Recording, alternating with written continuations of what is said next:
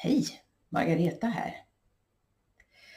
Hur eh, kan du utveckla din medialitet? Ja, det är det vi ska prata om idag. Och det första, det handlar ju om meditation. Det är verkligen en viktig grund för att kunna utveckla både din andlighet och eh, din mediala sida. Så eh, och jag vet att många har svårt att komma igång med meditation och göra det till en vana. Så smart det är att så att säga lägga det in till en annan vana du har. Det kan ju vara exempelvis efter du har borstat tänderna, ja då sätter du dig och mediterar 5-10 minuter. På så sätt så kopplar du, du det redan till en vana som du har. Det kan vara smart.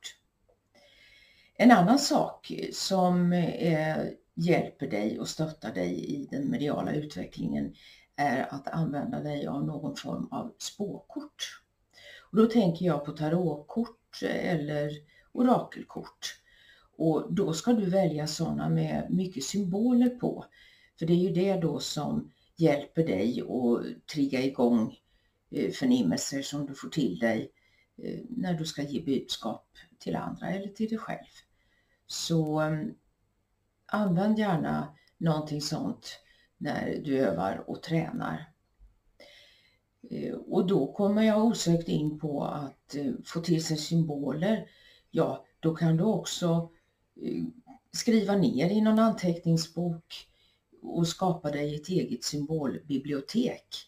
Och här ska du inte använda andras tolkningar av symboler utan dina egna. Vad associerar du till en apelsin till exempel? Och ehm, det här hjälper ju dig att både snabba på och göra dig säkrare och tryggare när du förmedlar budskap. Och ehm, det är också jätteviktigt att öva och träna och träffa likasinnade. Så försök att hitta en grupp eh, börja i liten skala så att säga och där ni stöttar och hjälper varandra och eh, tränar på varandra helt enkelt. Sen kan du utöka den här gruppen till, till större när du känner dig mer van och trygg i det hela. Så mm, jag vill också säga att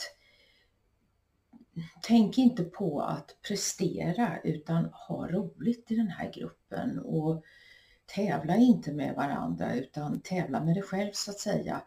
Det, för ni har alla olika vägar att gå och olika förmågor också som ska stärkas och lyftas fram. Så det brukar vara ett hinder om man är väldigt tävlingsinriktad och gör det till det också.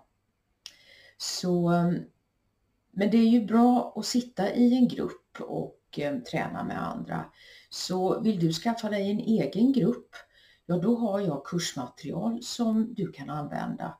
Och det här är kursmaterial både för dig som samtalsledare och de så kallade eleverna.